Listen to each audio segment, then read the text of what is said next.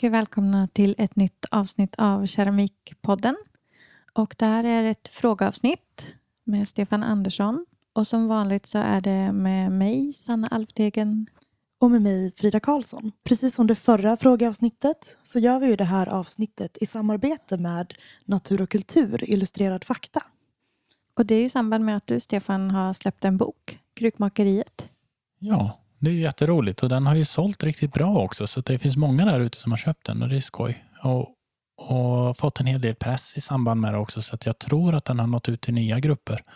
Till de som kanske inte lyssnar på den här podden till exempel utan utanför keramikkretsar lite grann. Mm. Så att det är skoj. Jätteroligt. Ja. Vi har ju ett ex på skolan som vi har bläddrat i mm. mycket. Ja, man hinner väl köpa Ja, nu hinner man inte köpa det här till julafton längre när ni hör det här. Men när vi spelar in så kan man ju göra det. Ja, vi såg att de eh, hade boken i högsta högg ute bakom skolan nu där de håller på att elda i vedugnen. Så eh, det ja, just det. De... Det finns ju ett kapitel där om ja. hur man bränner eh, små vedugnar och det där är ju en liten vedugn. Den första versionen av den lilla vedugnen mm. som också finns i boken. Mm. Så är man sugen så ska man kunna bara bygga ugnen efter man har läst boken tänker jag och elda den. Men vi får väl se hur, om det är någon som mm. lyckas med det. Ska lusläsa den i juni. Mm. Ja, bra. Men eh, Stefan, vad, vad håller du på med just nu? Hur ser, hur ser ditt liv ut sen ja, vi pratade sist? Jag har bromsat så mycket jag kan sen i november och tackat nej till saker och sådär. Men så ringde de från en rest, stor restaurang i Stockholm så jag var där förra veckan och de har massor med saker som behöver göras till januari, olika deadlines. Så de är min största kund så att jag, ja, jag började producera igen. Så att nu har jag, när det här släpps då så ska det förhoppningsvis ligga på lådor på väg till Stockholm för vidare till Singapore och så. Så det jobbar jag med, mycket porslin och jag har insett nu att porslin ger mig lite ångest helt enkelt. För det är så himla petigt, man måste vara så noggrann med under så många delar av processen och den är inte så där formbar heller när man drejar så man kan liksom inte... Ja, det blir mycket petigare, tar mycket mera tid. Så att ehm, ja, porslin är min ångest nu för tiden. är det att du precis som vi råkar ut för mer, fler bottensprickor och sånt på porslin? Nej, nej jag har inte bottensprickor saker på porslin. Utan det är mera när man drejar och så kan man inte dreja lika fort. Utan man måste liksom vänta, ja, och man kan inte reparera saker som går fel. Så mm. man får liksom ta det lite långsammare. Man kan inte vända tillbaka leran lika lätt och sådär. Mm. Och då, eh, då blir allt så mycket mer ansträngande. Och sen tar beskickningen väldigt stor tid. För att man måste beskicka ganska hård lera. Måste ha vassa verktyg. Ja, I alla fall i den processen som jag använder. Då. Mm. Eh, vilket gör att alla de momenten tar längre tid och är jobbigare att ha att göra med. Mm. Mindre glädje inblandat helt enkelt. Men hur, hur ser liksom dagarna ut? Drejar du en dag och beskickar dagen efter? Eller ja, du... så nu, nu börjar jag producera det här för några dagar sedan. Då, då började jag med att dreja upp tre av de serierna jag skulle göra. Um, några på förmiddagen. Sen åker jag och hämtar mina barn klockan två varje dag. Så är jag med dem. Um, och sen så drejar jag en serie till på kvällen och sen har jag beskickat dagen efter. Och så måste man hålla de här sakerna som eh, jag inte hinner beskicka direkt liksom fuktiga på något sätt med plast mm. till exempel. Eller så, så att man kan tajma in det. Men eh, det blir ofta ett kvällspass när jag jobbar också mm. helt enkelt. Så det är mellan 9 och 11 eller något sånt där. Mm. Och ibland längre då, det beror på. Mm. Jag uppskattar ju verkligen den här nattbrassen för då vet jag att ingen som kommer störa mig. Och jag kan hålla på tills jag är klar. Vilket gör att det blir en helt annan ja, lugn i arbetet. Kan det få ta 10 minuter till eller 40 minuter till, det gör ingenting. Mm.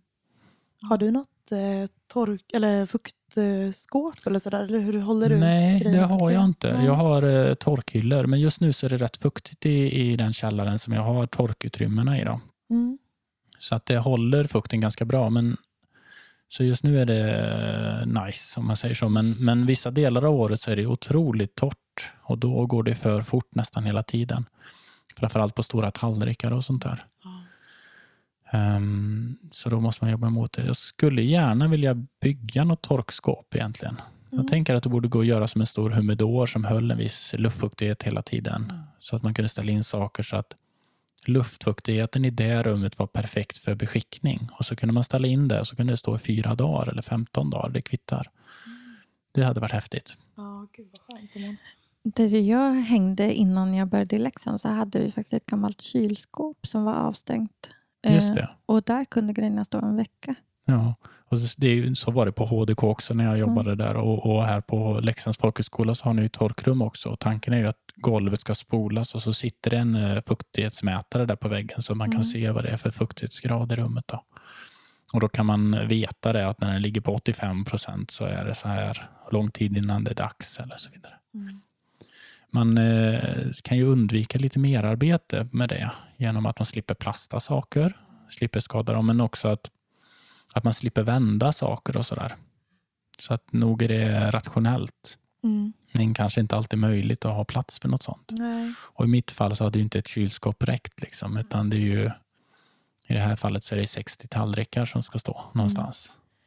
Där jag hyrde in mig innan så hade vi, eh, eller hos den keramikern, hon hade bara byggt en liten, eller en träställning och så hade hon häftat liksom byggplast eh, som var liksom dörrarna då. Så att det var väl bara, ja, inte rundstavar men liksom tunna, tunna brädor och, och byggplast. Och det blir ju inte lika kanske vetenskapligt att man kan hålla koll på luftfuktigheten på det sättet. Men, men det funkade ju bra. Det var ju skönt att man inte behövde liksom plasta varje nydrejad pryl sådär. Så att, Ja, fast det rummet hade nog funkat lika bra som ett kylskåp. Mm. Mm. Man behöver bara sätta in en sån eh, fuktighetsmätare där inne. Mm. Och idag finns det ju maskiner också som man kan köpa på alla de här Clas Ohlson och sådär som man kan ställa in på en luftfuktighet och så ser de till att det är den. Mm. Så att eh, om man vill ha det helt automatiserat så är det Mm. ganska enkelt idag. Mm, okej. Men de flesta de ställer bara in hinkar med vatten och sådär i de rummen. Mm. Och så får eh, liksom den naturliga värmen i rummet göra att det dunstar och så blir det ganska fuktigt Mm. där inne. Skönt att det ändå finns så pass enkla sätt att få ett liksom, högst fungerande, liksom, en fungerande lagom fuktig miljö. Ja, ett fuktskåp helt enkelt. Ja. Jo, men visst. Så att det kanske är på önskelistan för min verkstad också. Mm. Ja. Mm. Vad har du för idag Frida? Ja, ehm, jag känner att luften lite har, har gått ur mig- mig för tillfället. Ehm, jag minns att sist vi satt i det här rummet och pratade med varandra så beklagade jag ju mig lite över att jag hade sagt ja till x antal julmarknader. Ehm, men nu har jag gjort min sista nu i helgen eh, och det har gått, ja men det har varit jättemysigt ändå. Mest sådär lite ångest inför att man alltid känner att det är på gränsen till för lite grejer och eh, och tåg till alla ställen. Förutom den sista nu, då lyxade jag med en hyrbil. Men annars när man har så här fyra väskor och ser ut som en galen person när man kliver på tåget. Så ja, jag är jätteglad att den biten är avklarad, den där logistiken.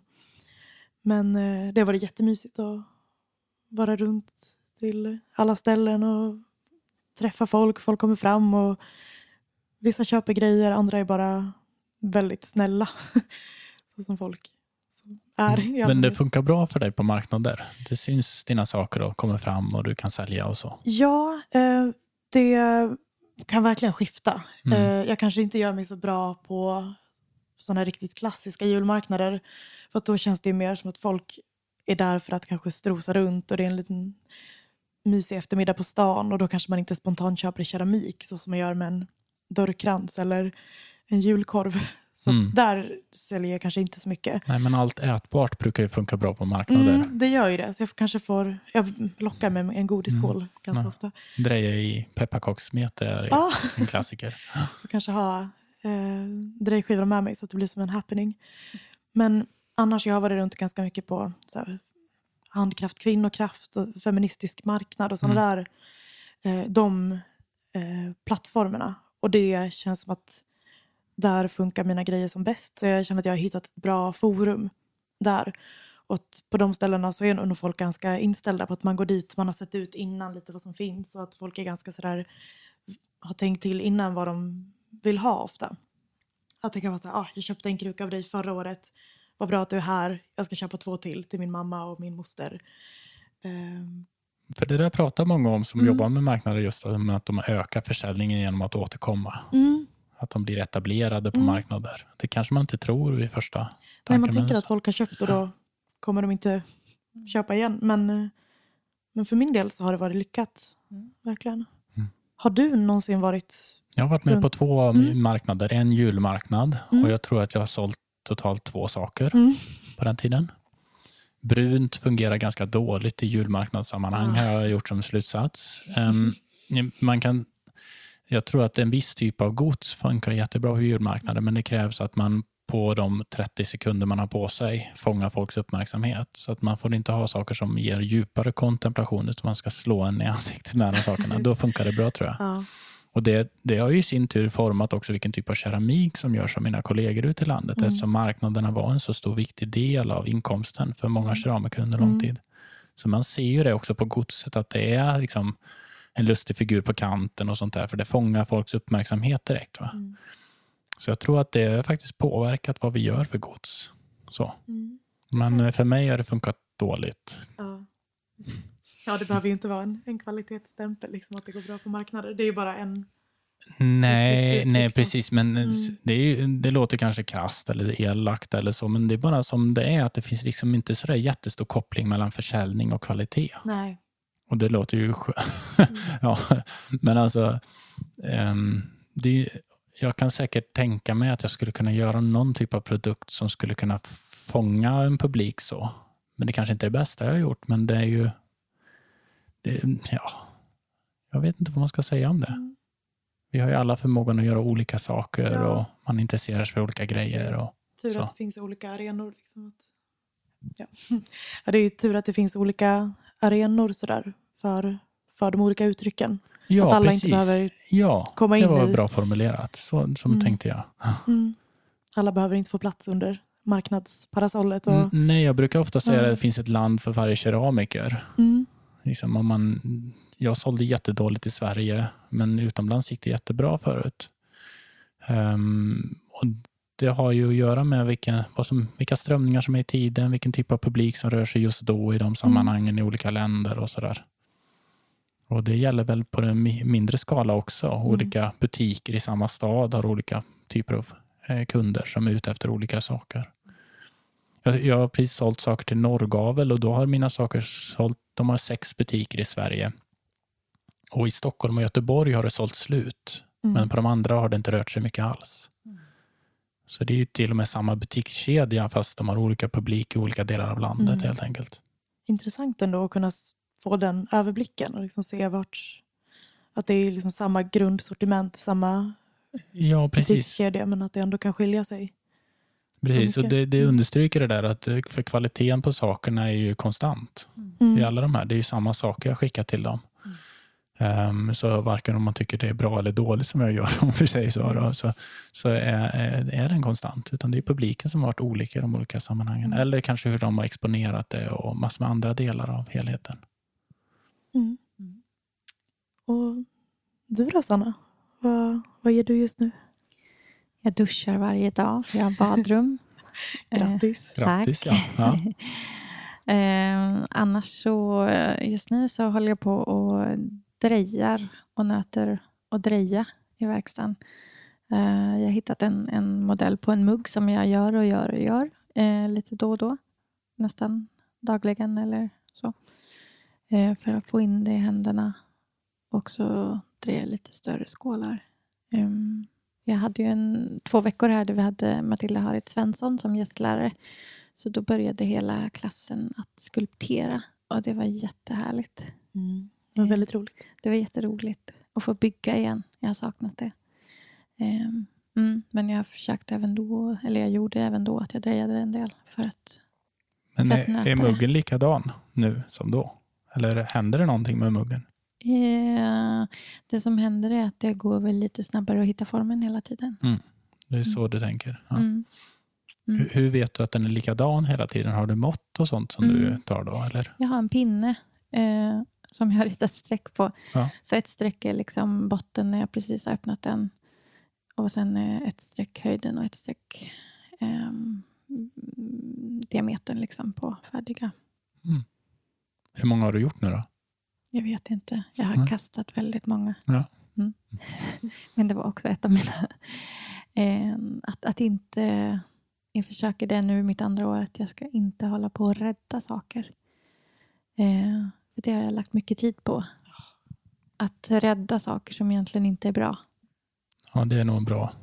Det jag Mm. tror det är att det, men just när man blir för kär i sina saker. Att det är, Ja, eller att, det, inte, det behöver inte nödvändigtvis vara att jag är kär i den utan det kan vara mer vara så att jag vill så gärna ha med någonting i ugnen. Och att en vecka där jag inte har någonting i ugnen känns liksom som att jag inte gjort någonting. nej, just det.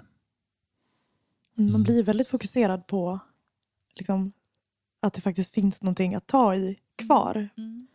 Men processen i sig kan ju vara minst lika viktig. Eller att du drejar ett stort antal ganska likadana koppar och sen slänger dem. Det är ju inte som att den kunskapen... Men det var verkligen ett par veckor där jag hade det öppnades ugn efter ugn efter ugn och jag hade, jag hade ingenting och jag visste det varenda gång. Mm. Att eh, ja, nu är alla jätteglada ska öppna reduktionsugn. Jag har ingenting. Mm. Det var väldigt, eh, men det var väldigt speciellt. Vad stressande. Mm. Mm. Ja, Men det kan jag förstå. Mm. Jag skriver i, i min bok. Det blir liksom, jag får nästan hitta på nya saker att säga nu för att det blir som att jag citerar någon hela tiden. det, är, det är lite jobbigt men det skriver jag i alla fall och jag har sagt det många gånger eh, om att om man lagar saker och gör det då blir man till sist väldigt bra på att laga saker, inte på att göra hela saker från början. Just det. Mm. Ehm, så att, ja, man ska väl kanske vara försiktig med att gå hela den vägen fullt ut hela tiden. Ofta går det både fortare och så blir det lite bättre också Mm. och håller Mm. Precis. som man gör igen. För det är ju målet att det ska gå fortare. Eh, För mig i alla fall. Att jag ska liksom snabbare hitta det. Ja, och nästan allt som man gör i keramik går att göra ehm, ganska fort. Liksom. Mm. Bara man övar, på, övar upp tekniken så att säga. Och det är tungt också tycker jag när jag ser att jag har gått, om jag har gått hela vägen, att jag har liksom drejat något som var okej och så har jag beskickat det och så har jag kanske haft sönder det när jag beskickar det och så lagar jag det. Och så bränner jag det och så är det inte så bra. Och så glaserar jag det. Och så blir det ändå inte liksom bra för att alltså glaserar du något som inte var bra så kommer det ju inte magiskt att bli bra bara för att jag har på glasyr. Ja, men det där är jättebra erfarenhet tror jag. För man ser ofta att man tänker att man ska rädda saker i ugnen. Mm. Men det gör man aldrig. Utan man stå, om man stoppar in bra saker i ugnen så får man ut bra saker. Och eh, en, till och med en dålig glasyr på en bra sak blir faktiskt ganska bra. Så då blir det liksom den här nojan om vilken perfekta glasyren till saker och ting. Ja, det räddar liksom inte. Nej. Det ser jag ofta i vedugnar också, att man stoppar i det där som man inte visste vad man skulle göra med någon annanstans. Eller som inte var så bra. Eller Ja. sådär. Och så tänker man att det ska bli magiskt bra av att hoppa in i en vedugn. Det där kan jag Och då, känna igen mig och då har man ju ändå lagt flera dagar av att bränna den där ugnen för att få ut den Mm. där saken. Ja. Och sen så finns den för alltid. Som ett straff menar du? Ja, men lite så. Eh, Ja. För leran är ju fantastisk att eh, du kan ju återanvända den så länge du inte har bränt den. Mm. Ja, men jag började som lärling hos min farbror först, så jag fick ju bränna en gång per år i hans jättestora vedugn. Och det blir ju lite skumt om att ha sina första drejsaker i en ugn som bränns i fem dygn och sådär. Och jättefina bränningar på, men jag har lite kvar fortfarande utav det där. Ehm, det ser ut som hej kom och hjälp mig, men det är ju roligt att äga det Mm. i en viss mängd. Man kan ju inte ha lådor på lådor av sånt såklart, men jag har lite saker som står där hemma, påminner mig om vad som har hänt. Och Ja. så. Och det finns ju någonting som är väldigt charmigt också med den där tanken som finns så mycket inom slöjd, att allt man gör är bra på något vis. Jag vet inte om ni har stött på det, men alltså att man inte är så självkritisk utan att Mm. man bara, det här har jag gjort. Och så slår man sig för bröstet, man är Ja. glad för det. Ja. Ja. men jag kan inte sticka bättre än så här, men den här halsduken har jag på mig. Den har jag gjort. Och det kan man ju tänka om sina Mm. fulaste första koppar och sådär också. Att ja men, de är ju precis det jag var då. Det är också något fint med det. Verkligen. Det är väldigt fint att man kan liksom tänka tillbaka till hur fina man tyckte de var då. Eller liksom att man förstår hur mycket som har hänt med sin egen process. Liksom. Eller att man, så här, man tittar på dem nu och rent objektivt. Så, så här, Men det är en Oj. sak om det är något man gjorde på sin första kurs. Liksom. Mm. Det kan ju vara skärmigt. Men det är inte så skärmigt att ha det man gjorde efter ett och ett halvt år på keramikskola. Och så liksom, nej, det är inte skärmigt längre. Nej, okej. Men det där tror jag är en naturlig reaktion som du bara har fått nu. Som gör att du strävar och lär dig och du tar ju tag i det. Så att det där är ju bara på väg. Mm. Ja, Ja, men så så att- där är jag nu. Nu har Stefan glömt att stänga av ljud på sin mobil. Yes. Ja, men vad säger vi? Ska vi gå över till, till frågorna? Nu kör vi. Och vi tänker faktiskt börja med en fråga som vi fick när vi var i Höganäs och besökte Keramiskt center. Och den är inspelad i Höganäs alltså. Och eh, här kommer den. Så, hej, kan inte du börja och säga vad du heter? Mitt namn är Hannes. Min fråga är hur det kommer sig att stengods kan hålla vatten Ah, medan lergods inte kan det. ah, att, det, att det håller tätt. Ah, vilken jättebra fråga. Och är du från Höganäs? Jag är från Höganäs, ja. Ah. Tack så mycket. Tack. Ja, Stefan, vad säger vi om Hannes fråga? Jo, men det där är ju liksom basen för hur keramik fungerar. Lera är ju vittrad sten. Det är ju berg som har vittrat sönder och blivit mindre och mindre partiklar och så har de tagits med vatten och andra, ja, men som inlandsisar och allt vad det har varit neråt. Och allt eftersom den färdas neråt för berget så säger man att den går från sin ursprungskälla.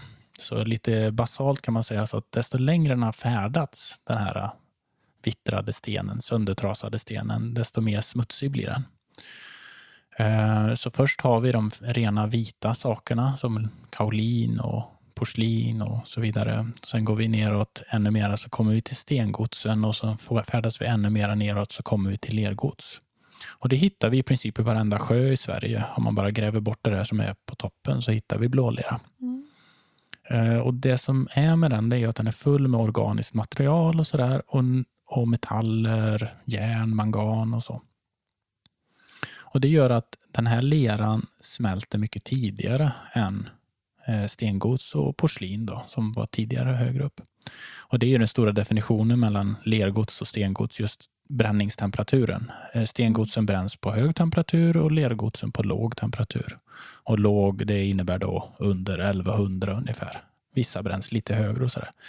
Men den som är lite fiffig kan ju snabbt räkna ut att självklart finns det eh, leror som tål 1150, 1187, 1239 och 1400 grader för den delen också.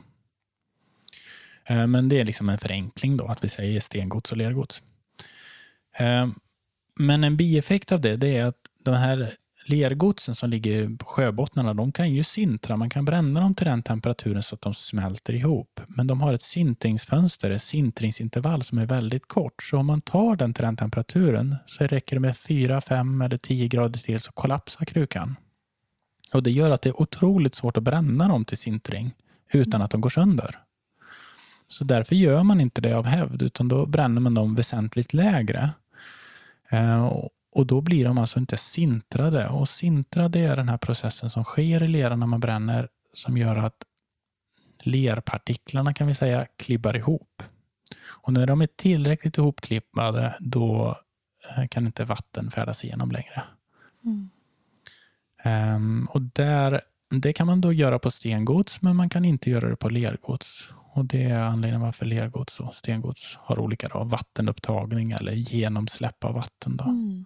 Och Man kan göra ett test faktiskt på hur mycket vatten den leran du har bränt tar upp genom att man väger den innan man, man, man har den helt torrt och så väger man den.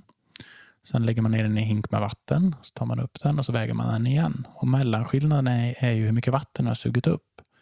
Och Då har industrin satt upp olika regler för vad som är vattentät och sådär. Mm. Hur många procent den får ta upp i vikt. Då. Så porslin, om den är välbränd, tar upp ytterst, ytterst lite. Det märker man nästan. Ytan är så tät, så tät, så tät. Många stengods tar upp 1-2 procent tror jag om inte jag missminner mig. Det kan säkert någon rätta mig om jag har fel i.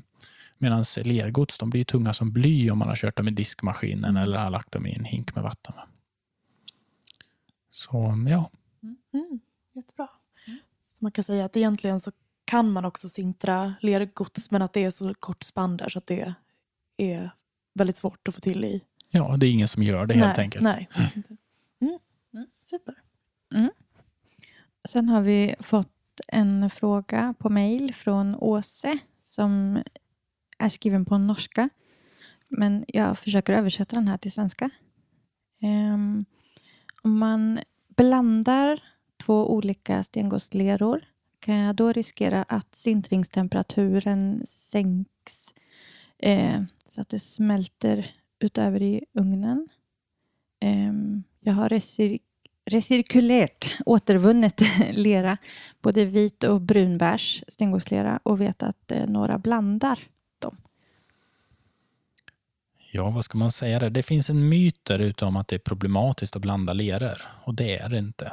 Utan det är blandade leror från början. Fabrikerna gör det hela tiden. De blandar olika ämnen, olika leror för att få den där som ni har i påsen. Och Det går jättebra att blanda hur som helst egentligen. Eh, många gånger så eh, kan man till och med blanda det till och med rätt dåligt och få marmoreringseffekter och sådär, vilket mm. kan vara ganska skoj. Um, om man har två leror, låt säga stengodsleror i det här fallet, då, som är återanvända och det står 1160 på den ena påsen och 1180 på den andra påsen, så är det sannolikt att de får en lera, om man tar 50-50 som 12, 1170. Mm. Ja, fast nu är det ju stengodslera så ska jag kanske säga 1270 då. Mm. Men alltså, eh, det kommer inte hända någon magisk effekt där de två blandas och blir någonting som smälter mycket tidigare. Mm. Så det behöver man inte vara orolig för. Nu kanske jag säger för mycket, det finns säkert ett undantagsfall där ute bland miljoner, men mm. i, i, sin enkelhet så blanda på bara. Det är ingen ja. fara med det. Mm.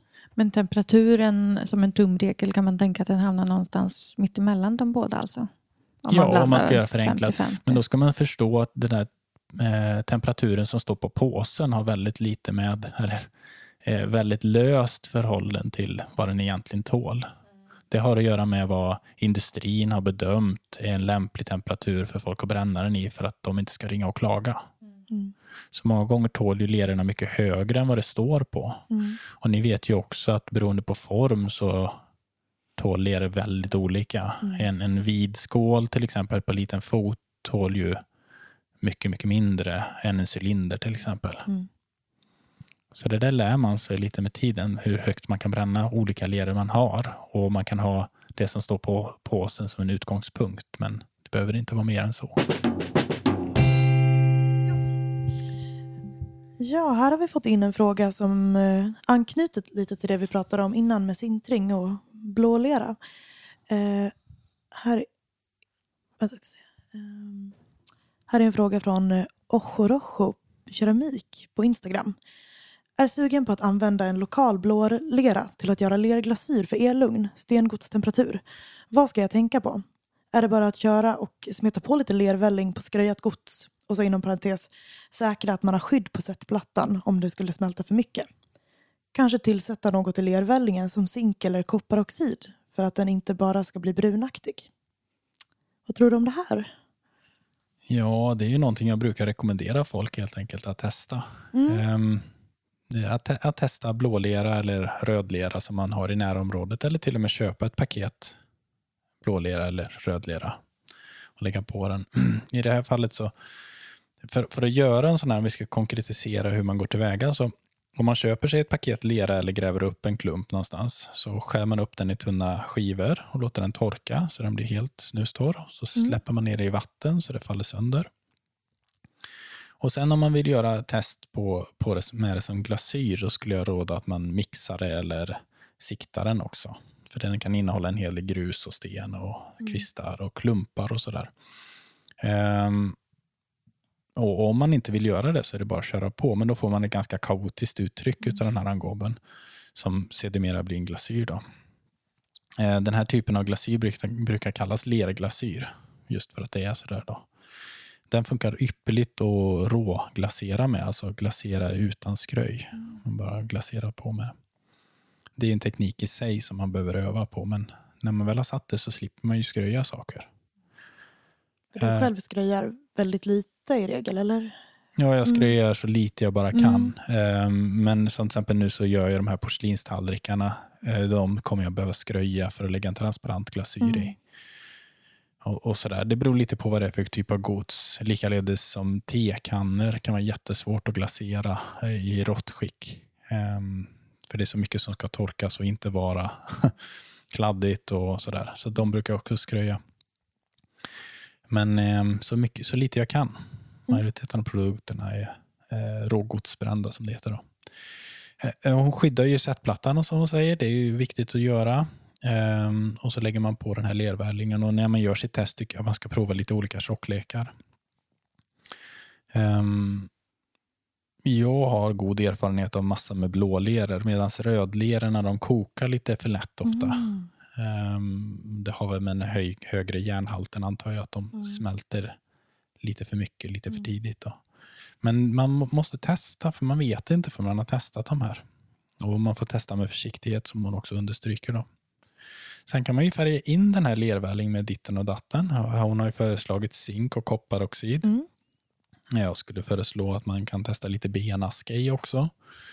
Eh, Men man kan också med fördel ta och blanda ut det här med en fältspat bara. Okej. Till exempel om man tycker att den blir för grön eller för svart eller för brun så kan man lägga i hälften fältspat istället för bara blålera. Så får man någonting mitt emellan det och en vit glasyr. Ja. Och eh, benaska, vad ger den för sorts effekter i det här? Nej, men jag är lite sådär svag för benaska för att det innehåller fosfor. Mm. Och fosfor kan ge väldigt fina strimmiga effekter och sånt där på Mm. ditten och datten. Så det tycker jag själv är roligt att testa i nästan allting. Mm. Bara för att se om det händer någonting. Men, men man kan tänka sig att man kan tillföra mera järnoxid också så får man mer av det här som närmar sig kaki och temoko-glasyrer som är svarta och plommonfärgade glasyrer och sådär. Men eh, i princip vad som helst kan hända utan den där lergodsleran från första början vad det Mm. gäller färger och uttryck. Så att man behöver testa och så stegvis testa med att lägga till någonting och sådär. Men det är ju gratis om man gräver upp det själv. Så det har man ju råd med Ja. tänker jag. Mm. Spännande. Då har vi en till fråga som rör glasyrer lite grann. Och den lyder Intresserad av glasyrer, miljö, hälsa och hållbarhet, etik. Exempelvis koboltbrytningens påverkan på den som bryter kobolten. Eh, röda bra glasyrer utan kad, eh, kadmium. Och eh, blyfria glasyrer som innehåller bundet bly. Ehm, det är lite, lite blandade frågor där om, om ja, glasyrers in, innehåll och hållbarhet. Ja. Det, den har vi fått på Facebook från Forma keramik och drejkurser. Ja, men frågan gäller ju hållbarhet eh, med våra, våra råvaror framför allt här då. Och många av de råvarorna vi köper de grävs ju upp på olika ställen i världen. Eh, det stora problemet för oss är många gånger att vi kan inte få reda på vart de är uppgrävda. Några saker har vi lite hum om vart de grävs då, som NGP som grävs i Norge, som är en fältspat till exempel. Men kobolt är ju ett så här brännhett ämne till exempel då, som grävs upp i, i gruvor många gånger med barnarbetare. Och det i sig ställer till väldigt mycket etiska dilemman för folk då, eftersom kobolt är en produkt som används inte bara inom keramikin, vår lilla keramikindustri utan i väldigt mycket annan industri. Så vi är ju försumbara egentligen. Men många bäckar små brukar man ju tänka, så att självklart så tittar man ju på vad man har själv för möjligheter. Ehm, men det är ju inte bara det där med, med de här gruvorna då, utan att det kanske är barnarbetare eller folk som har väldigt svårt som jobbar där, utan det är också att allt gruvarbete i princip leder till nedsmutsning av närmiljön, som också ställer till det ytterligare. Um, så hur ska man ställa sig till den här frågan då? Ja, det är nästan omöjligt att svara den frågan utan att man gör en politisk ställning idag.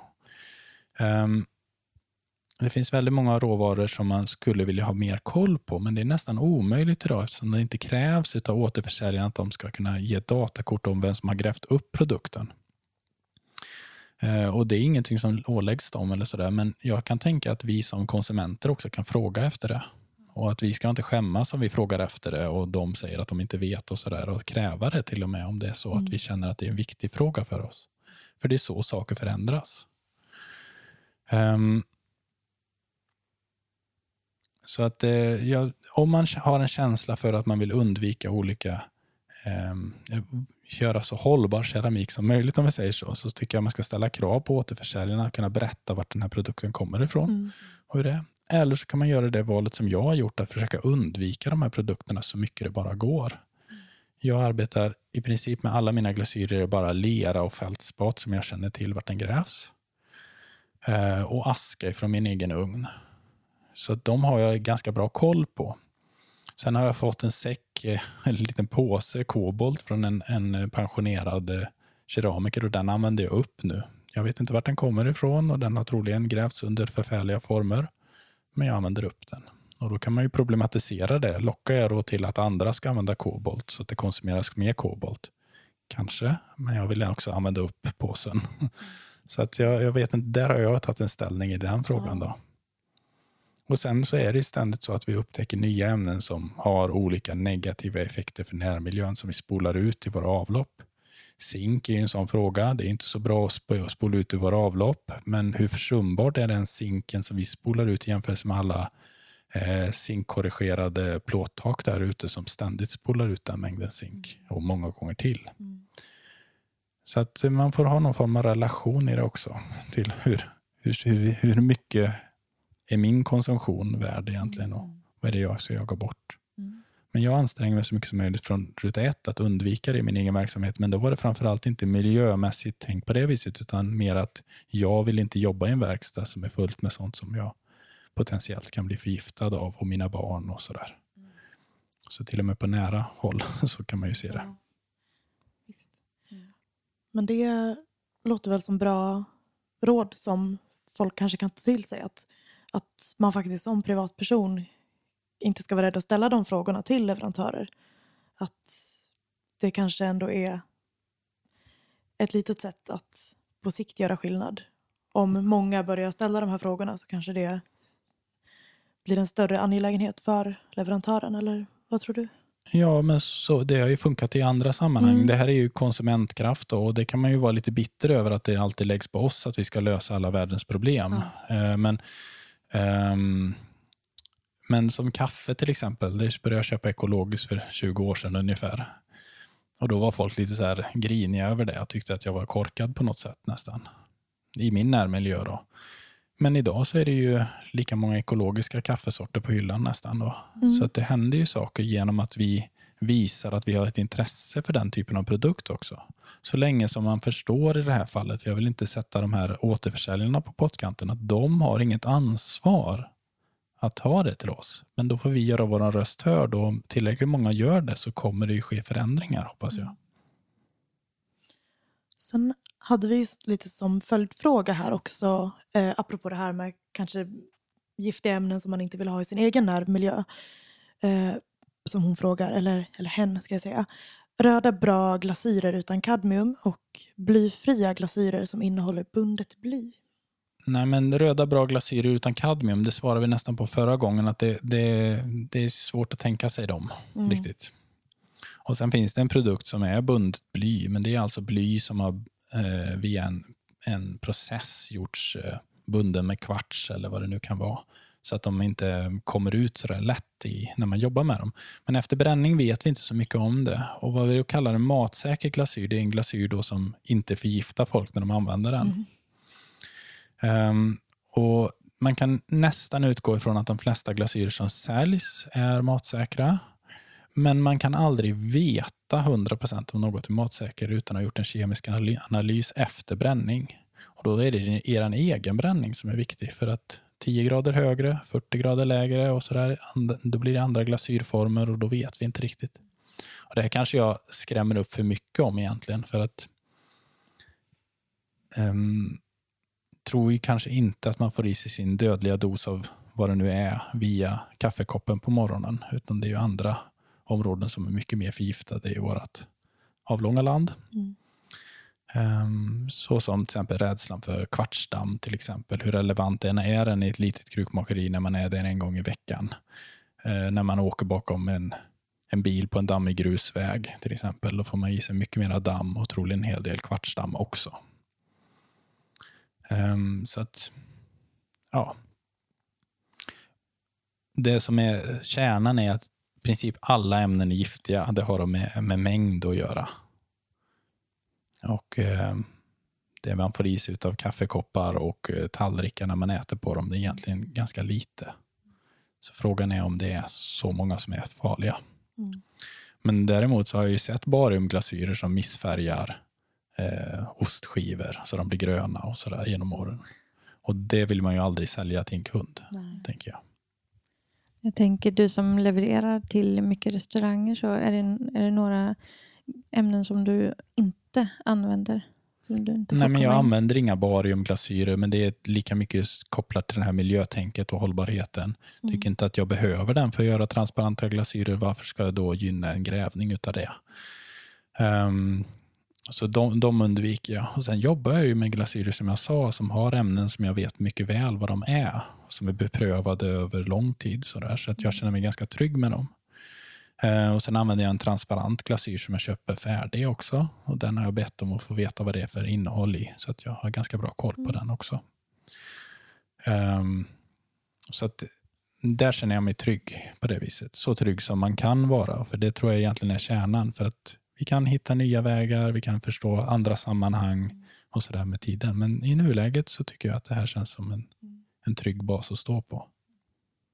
Det jag tycker det är skönt för en själv att höra också att du ändå ja, men, har ett fungerande krukmakeri och ändå inte behöver använda dig av de ämnena. Eller jag tänker att när jag tänker på när jag själv har slutat skolan här och ska um, ja, men kanske köpa in egna ämnen och sådär till att bygga upp någon liten verksamhet. Att det är lätt att tänka att, så här, att, att det är så himla mycket man kommer behöva och alla så här spexiga oxider och ämnen. Att det är, men ofta så är ju, när man väl börjar titta på innehållsförteckningarna till många av de glasyrer som man tycker är liksom allra finast så är det ju de här väldigt, väldigt enkla. Jag tänker chinos och sådär som inte behöver innehålla någonting av Ja, men så det. kan det vara. Det Mm. finns ju jättemycket att hämta i de klassiska glasyrerna och de är ju väldigt... Eh, ja, de har ju verkligen snälla ämnen i sig många Mm. gånger. Men, men samtidigt så kan man ju få ett intresse för keramik och intressera sig för kristallglasyrer och alla färger som finns där. Och Det Mm. går ju också att hantera om man sköter det på ett snyggt sätt. Mm. Så att jag, och jag målar ut barium som något jättegiftigt. Det, det, det är inte sant heller. Det är inte så farligt som det kanske lät där. Utan det var bara som ett exempel på ett ämne som jag har undvikit och, på grund av att jag vet för lite om det egentligen. Mm. Men vet man mer om det så kan man säkert säkerskriva det ämnet också. Mm. Och så vidare och så vidare. Men det bygger ju på att man tar det lite pö om pö tänker jag då. När man lär sig om det ämnet man köper in. Och eh, läser på om det och tittar lite, ja, tittar lite försiktigt på internet kan man säga. För att det finns ju många som ropar varg där också. Ofta är det den som ropar varg mest som vinner alla diskussioner också. För de andra tröttnar på att diskutera med den personen. Mm. Vilket kan bli lite missvisande i de, de dreven också. Då. Mm. Vi går vidare till en ny fråga. Eh, och Det är Katarina som har mejlat till oss. Finns det möjlighet att i min elugn bränna reducerande genom att lägga in föremål i någon slags behållare?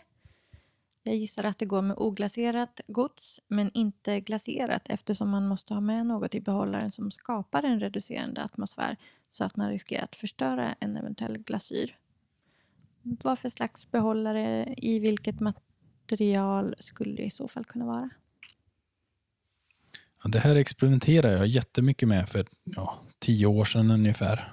Um, det, det hon pratar om för behållare, då, man brukar kalla det för sagger på engelska, eller duffel eller muffel eller sådär. Och det är egentligen bara en, en, ehm, en cylinder eller en kruka som man har som, med ett lock på, som man har som behållare till den under bränningen. Då.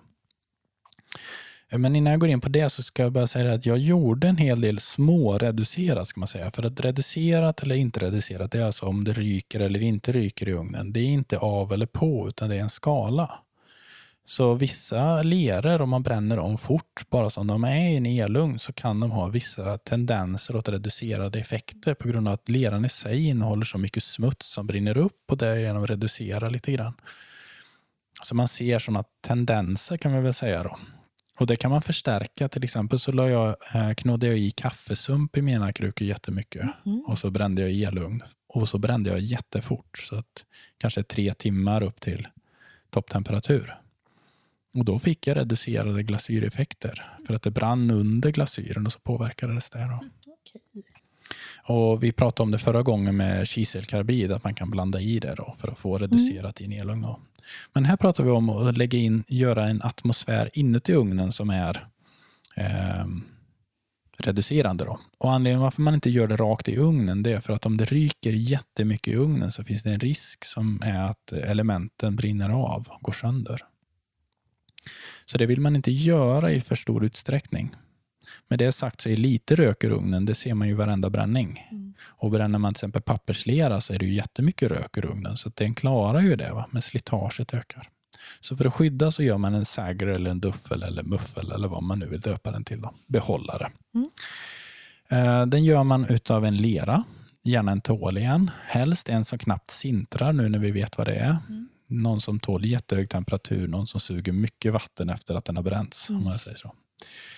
Eh, För det, det gör att den tål att brännas om flera gånger utan att tjonga, alltså att spricka sådär. I regel. Men man lär sig med tiden vilka leror som tål det och de flesta leverantörer som har lite koll kan svara på vilken lera man ska köpa av dem för att göra de här. Mm. Utomlands så finns det något som heter Sager Clay att köpa som är jättetåliga leror som är perfekta för det här. Jag har aldrig sett den produkten säljas i Sverige däremot. Så drejar man den. Man drejar, kan göra den ganska tjock och tung. Eh, Det är bra på många sätt. Håller bättre. Och Sen lägger man in sin sak i där och sen kan man strö saker runt omkring. Mm. Som efter man har lagt på locket så kommer de brinna upp i bränningen. Då. Och Det där är ju olika typer av organiskt material man kan lägga i. Till exempel kol kan man göra, ganska enkelt. Man skulle kunna ta quinoa eller kikärtor eller något annat som brinner. Och Alla de här sakerna kommer ge olika effekter när de brinner också. Ehm, om man gör någonting som är oglaserat så kan man ju täcka dem helt med den här kolen eller quinoan och sånt. Och då kan man få jättefina effekter faktiskt. på. Man kan till exempel välja att täcka bara hälften av krukan och sådär och få en annan typ av linje eller verkan. Sådär. Men glaserar man då är man ju tvungen att ha det i hörnen och då är det ju jätteviktigt att locket är riktigt, riktigt tätt så att den där kolet som kommer ut inte tar vägen någonstans utan stannar kvar där inne. Så då kan man lägga en liten sträng med lera som liksom tätar emellan lock och eh, behållare. Då. Svamlar jag nu eller förstod ni vad jag Nej, pratade om? Ja. Alltså du menar att det glaserade inte får nudda liksom kolen eller? Nej, den? precis. precis. Mm. Eh, risken är att kol, till exempel om det ligger mot den glaserade ytan, att det fastnar i Mm. glasyren och så händer en lustig kombination där som Mm. gör att inte kolen brinner upp utan det blir som ett skorv kvar Ja. på ytan. Mm. Eh, Och riktigt varför det händer så, det vet jag inte, men det är en ganska vanlig kemisk process som man ser ibland. Och det där kolet är jättetåligt Mm. efteråt. Men det som man kan se ibland när vi har eldat eh, i vår anagama-ugn till exempel att det blir liksom nästan som klumpar av, av, av liksom kolaska som har... tr- trots att den har stått jättehett Ah, så har inte det brunnit bort. Det, det händer någonting som gör att det där stannar kvar. Mm.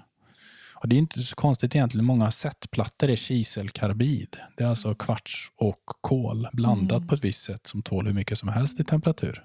Och att det blir något där. Det händer skapas, någonting. Det är någon ja. kemisk grej. Fråga någon kemist någon ja, gång. precis. För jag kan inte förklara det. Jag ser bara att det händer. Försöka Va? skapa egna setplattor med kol. Och... Men um, okej, så då ska man alltså försöka lägga Runt det, om. ja, precis, Ja. kanterna på en sagger. Liksom att det inte... Ja. Mm. Eller ställa uppe på eller någonting. Mm. Man får testa sig fram. Ja. Och en sån här sak är ju väldigt mycket testa sig fram. Men börja med en liten behållare Mm. och gör någon små sak och se vad som händer. Mm. Och, och titta också på hur mycket det ryker ut. För det blir ju jätteviktigt att ha bra ventilation i ett sånt rum. Så att man inte har hela huset rökfyllt. Mm.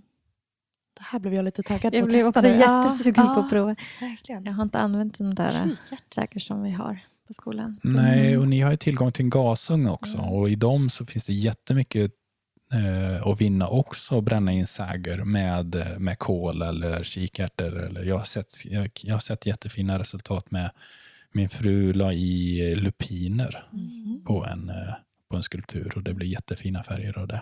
Men det var i en oljeugn så det var i en reducerad atmosfär ovanpå. Då.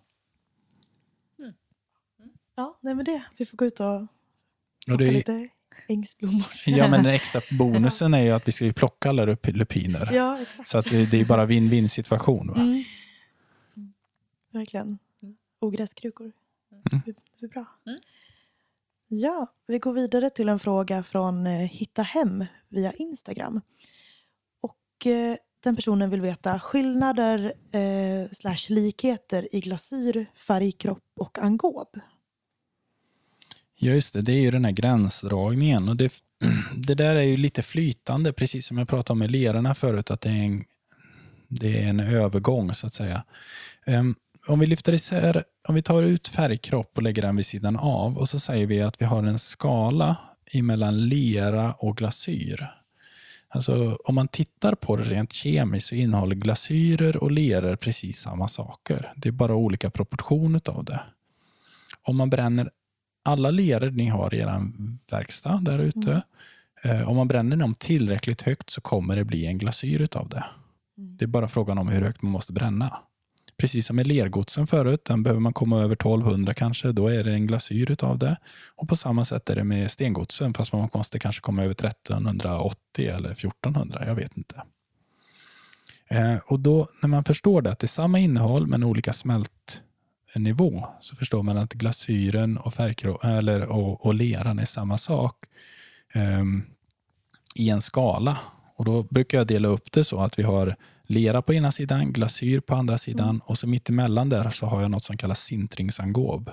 Det är alltså en, en lera som precis, precis smälter. Mm. Som är lika, mittemellan de två. Då. Eh, så där har vi en skala. då. Eh, mm. Sen angob i det här fallet. Det, angob är ju bara ett namn på flytande lera. Det är inget, inget mer eller mindre. Mm. Utan Det är mer en, ett, ett tillstånd som lera kan vara i. Precis som det kan vara i hård eh, mjuk eller mm. angob. Eller, ja, och slicker är kanske lite, lite tjockare än angob. Jag vet ja. inte, det beror på hur tjock angob man använder. Um, och sen den här färgkroppen då, den har egentligen ingenting med de andra att göra, utan färgkropp det är en, en kombination av olika metaller, metalloxider, som ger en viss färg, som har bundits med någonting, något glas helt enkelt. Och Sen har det malts till en produkt som säljs som färgkropp som är ett väldigt färgsäkert sätt att göra glasyrer på. Um, och får ibland lite dåligt rykte tycker jag för att det är ju samma innehåll som det är annars i glasyrer, samma oxider och sådär. Det är bara att man har gjort en produkt som är snäppet bättre än att jobba med oxider. Man vet vad man får i färg. Och Då kan man av tradition som jag undvika dem, för att jag har inte skolad så. Um, eller så kan man bara bejaka det och se att titta vad lätt jag har att göra alla färger i världen. Jag köper en på, påse färgkropp och så har jag min basglasyr, glasyren som jag vet fungerar bra i min ugn och sådär. Och så färgar jag in den i de här åtta olika färgerna. Och så har jag ett register av olika färger. Väldigt snabbt, enkelt, effektivt. Mm. Lite dyrare kanske, men helt utan all forskning som mm. krävs annars för att få den färgen. Ja, så för att summera, man kan också förenklat säga, eller hur, att angob det målar du i regel med innan du eh, bränner. Ja, det, det, kan man förenklat säga, men det finns ju angober som har recept som är mm. gjorda för att lägga på efterskröj också. Är det sån du kallar sintrad angob? Nej, sintringsangob är då en, en angob mera som under bränningen inte blir lera efter bränningen utan blir någonstans mellan lera och glasyr. Mm. Eh, så mera sintrad lera. Mm. Yes. Men glasyr, angob och lera där på samma spektrum och färgkroppen är något ja, annat. Något annat helt ja. enkelt. Ja, härligt. Um, och ska vi se, här är det återigen Forma keramik och drejkurser som har skrivit till oss via Facebook. Eh, drömmer om det perfekta glasyrreceptet på en djupt fyllig rödviolett rödviolett stengodsglasyr för 1250 grader. Tänk lite plommon, rödvin, ljung, gärna med kristaller. Ska man drömma kan man ju göra det rejält. En härlig fråga. Vad säger du om det? Är, är det en omöjlig dröm? Eller Nej, absolut kan, inte. Kan den finns ju där. Jag ser den nästan framför mig också. Jag mm. tror att jag har sett någon sån någon gång också. Um, vi får plocka isär det lite grann. Det här med mm. kristaller det måste man nästan prata om i ett eget avsnitt någon gång tror jag. Det, mm. det är ett stort område med kristallbildning. De flesta glasyrer vi har har kristaller i sig. Eh, och Man kan locka fram dem på olika sätt med olika bränningsintervaller och sådär. Men det är nästan som att vi får prata det separat. Mm. För att jobba med um, Vad plommon sa hon här. Ja. Då tittar jag i min referensbok som jag gärna gillar att bläddra i som heter Ceramic Spectrum som har så här uppdelat per färg hur man gör olika färger. Eh, och Då skulle jag vilja rekommendera de här två förslagen som de har. Den ena är kobolt som grund i en glasyr som innehåller mycket magnesium. Och Det man ska tänka sig det är ju en basglasyr, en glasyr som man alltså har som bas i sin verksamhet. Det är en, ofta en transparent glasyr som smälter bra i ens ugn. Och Då bestämmer man sig att det här är min basglasyr när man har hittat mm. den. Och Sen kan man färga in den och testa. Då. Och Då skulle jag färga in den med kobolt, eh, bara några få procent, kanske fem. Och sen magnesium. Mm. Eh, och så får man göra en, en skala där man testar olika procenthalter av både kobolt och magnesium. Eh, ja, 10-20 prover eller sådär och så testar man i sin ugn och så ser man vad man får ut.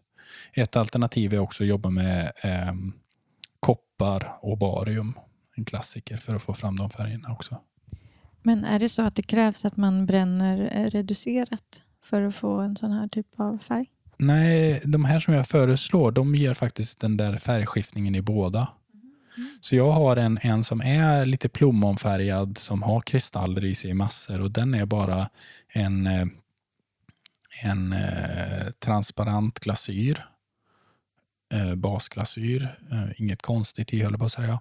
Och sen är den infärgad med koppar. Mm. Och jag tror det är bara 2% koppar i den och den blir alldeles plommig, plommonfärgad och full med kristaller i min stora vedugn. Um, ja, men det är väldigt betingat på just den ugnen och den bränningen som är reducerad och sådär. Så att det är nog svårt att återskapa i en elugn. Men, mm. men, eh, men de recepten som jag pratade om här med kobolt och, och magnesium till exempel. Det är ju en väldigt spännande kombination av oxider. Det händer mycket med färgerna där. Mm. I, I hela det spannet av olika procenthalter av dem. Då. Mm. Och det skulle gå att prova att få till även i, i en vanlig elugn? Ja. Mm. Precis. Roligt. Jag blir så inspirerad att själv testa allt det här som vi nu får, får svar på. Mm. Verkligen. Mm. Ja, ibland ser jag sådana glasyrer som innehåller upp till 10% kobolt ja. och då blir det en väldigt dyr glasyr ska jag säga. Det. Men vad gör det om den är vacker? Mm. mm. Eller? Mm.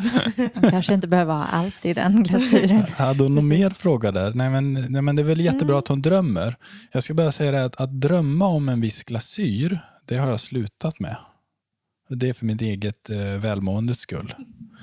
Eh, för det är nästan omöjligt och en sån här hemsk jakt efter den perfekta glasyrytan. Idag så gör jag bara en blandning lite på måfå och så bränner jag den och så tänker jag, åh, vad ska jag använda den här till? Vilket jag tycker är mycket trevligare. Jag, jag blir en mer sympatisk person när jag jobbar så. Mm. Att, att se liksom vad kan jag använda, använda den här till istället för att drömma om att ha en viss färg på en viss kruka. Ja, precis. Så, så, så jobbar jag idag. Men jag respekterar fullt och fast de som drömmer istället för bara jagar. Men det funkar inte för mig. Vi ska avsluta det här med en fråga som vi har fått från Gustav via Instagram. Och den, han undrar, vad är det sämsta med keramik? Det tycker jag var en jätteintressant fråga att problematisera. Ja, mm ja ni har ju hållit på ett tag nu. Vad är det sämsta med keramik? Mm. Jag tycker att det sämsta... Det går liksom lite ihop. Det som är det sämsta kan också vara det bästa. Men jag tänker jag som har jobbat med mycket andra material tidigare, eh, trä och textil och, och sånt där, det är ju att grejerna faktiskt kan liksom ha, de är inte konstanta. Att det här med att man måste liksom passa, eh, ja, jag kan liksom inte bara lägga ifrån mig grejerna, gå därifrån, komma tillbaka två dagar senare och förvänta mig att typ, inget ska ha spruckit eller att det inte ska ha slagit sig. Eller ja, men den här tajmingen. Mm. Och samtidigt är det lite det som är charmen också. Att försöka bemästra materialet. Men, ah, men när jag har hyvlat på ett skåp då kan jag ju vara ganska säker på att den har, har, samma storlek och samma form när jag kommer tillbaka. Och det, det kan ju vara om ingen har varit där och smyghyvlat. Det vill säga. Men ja, för mig är det nog det. Mm. Ja, det där är ju keramikens särart. Jag har mm. funderat en hel del på det där genom åren så där, eftersom jag jobbat med andra hantverk en del. Um, Men särarten ligger i att man måste göra allt vid rätt tillfälle Mm. och allting kan gå åt fanders precis när som helst. Precis. Medan som med metall så kan man börja driva sin skål och sen kan man gå därifrån. Vara borta i åtta månader och komma tillbaka och fortsätta sen. Man kan också parera saker som börjar gå snett i många material och det är nästan omöjligt i många fall med keramik. Mm.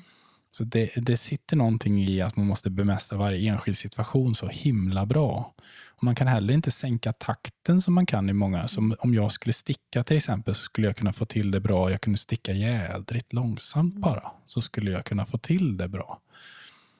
Men eh, med keramik kan man inte göra det. Nej. Man har liksom mycket mindre fönster. Så det är en liten särart. Men det är Ja. både styrka och svaghet. ja. Ja. Lika mycket åt andra hållet om du nu skulle få superbråttom och tänka att du ska dreja något nu och beskicka det om en timme. Alltså det, det blir ju, ja, det har sitt tempo. Att det blir ganska mycket parametrar att om man ska försöka att, Men, ja, så är det. Och, Mm. Men sen ska man vända på det. Och att, att, eh, att jag kan ju då när man har satt allting Mm. göra saker väldigt, väldigt fort Mm. keramik. Och det går ju inte med metall då till exempel. Utan det är liksom tiden konstant på Ja. något vis istället. Man måste lägga på en sak. Ja, och min man han eh, täljer en del och han kan avundas att eh, just att, att jag kan gå in och ändra. För har han täljt bort en för stor bit då är det ju liksom, ja då har den bytt form. Jag kan ju Ja, just det. blöta upp, sätta tillbaka, bygga på. Mm. Lika, Mm. som jag, lika väl som jag kan karva. Mm. Just det. Ja, men det är stor flexibilitet där. Mm. Men nu ska vi hacka på leran, inte Ja, säga vad som är bra med den. Ja. Vad, vad tänker du då? Nej, men jag är också inne på att det som är bra är också det som är, är dåligt. Det är kanske lite tillbaka till det jag började det här samtalet om. Att, om att den alltid finns kvar när den väl är bränd. För jag vet inte vad jag ska göra med det som jag inte vill ha eller det som går sönder.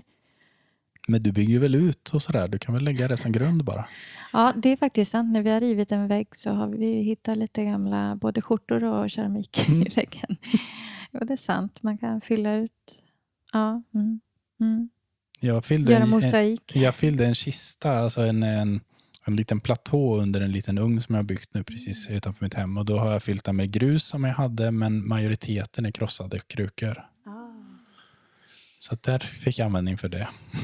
Tänker hela den här puckeln av keramik där, där Rörstrandsfabriken låg. Mhm. Det bara sticker upp liksom massa skärvor i jorden. Det är ganska häftigt. Få anlägga ett litet monument vid torpet. Mm. Ja, nej, jag tycker att eh, det som är tråkigt med keramik det är just, men du, ni var inne på det med tajmingen är jobbigt.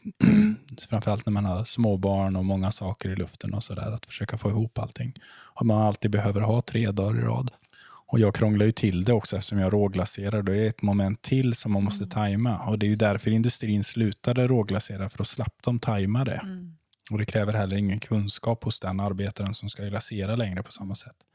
Det är självklart att det krävs kunskap ändå, men Mm. mindre kunskap kan vi kanske säga då. Men jag tycker det är jobbigt det här att de, eh, men då tänker jag mest på eh, min kollega och fru som jobbar med keramik som att, att saker när de är stora, att de går sönder så lätt. Mm. Att transportera stora saker är väldigt åbäkigt. Och det kan bli väldigt, väldigt tungt. Mm. Och så ja, spricker de ju lika lätt ändå. Mm. Det tycker jag är jobbigt ibland, att den inte är tåligare. Mm. Men då finns det ju olika råstyrka hos lera. Har ni märkt det? Att vissa saker går sönder jättelätt. Mm. Men På engelska har jag hört termen dry strength någon gång. Alltså torrstyrka eller vad man ska säga. Vissa porslinsleror till exempel kan man ju knappt hålla i utan att de spricker i handen när de är torra. Och Vissa är stenhårda.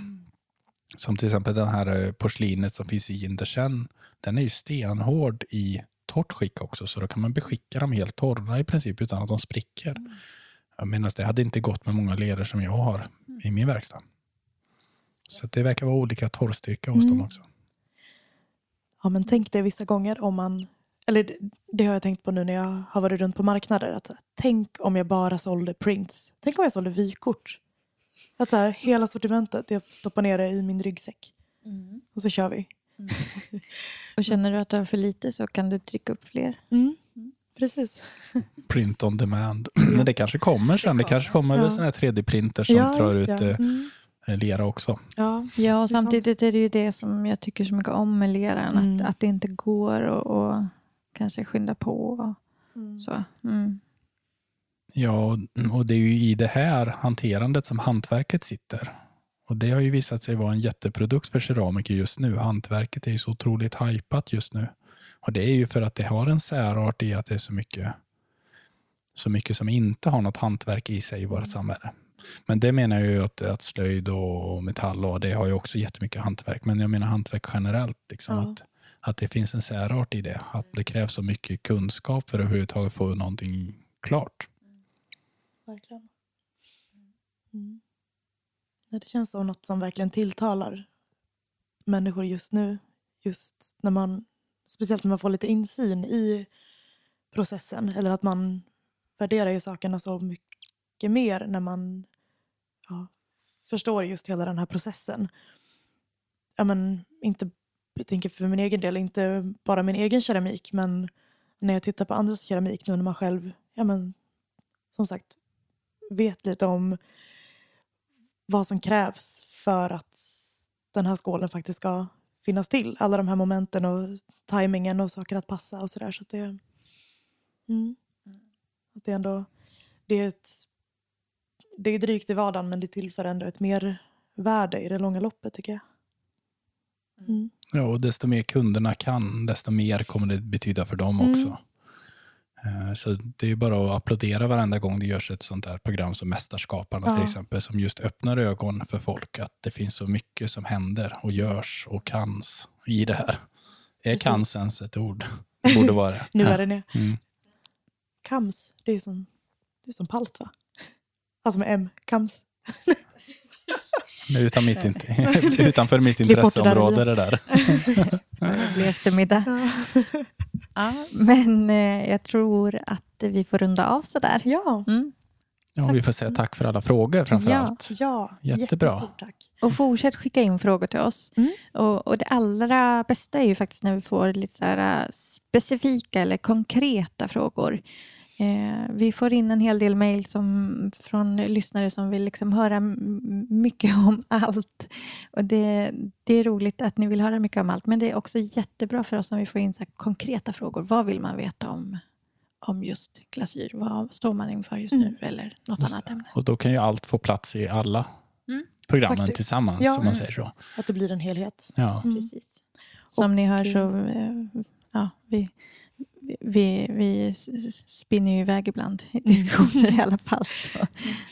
Och eh, jag vill också säga att, man, att ingen fråga heller är för basic eller, eller dum. För jag tänker att eh, det är jätteroligt om vi kan, kan variera frågorna. De är lite mer specifika men också ja, att vi kanske någon gång kan, kan ha ett avsnitt då vi kanske fokuserar lite mer på, på nybörjartips och hur tänker man ens, vad, vad- vad, händer i leran, vad, hur knådar man?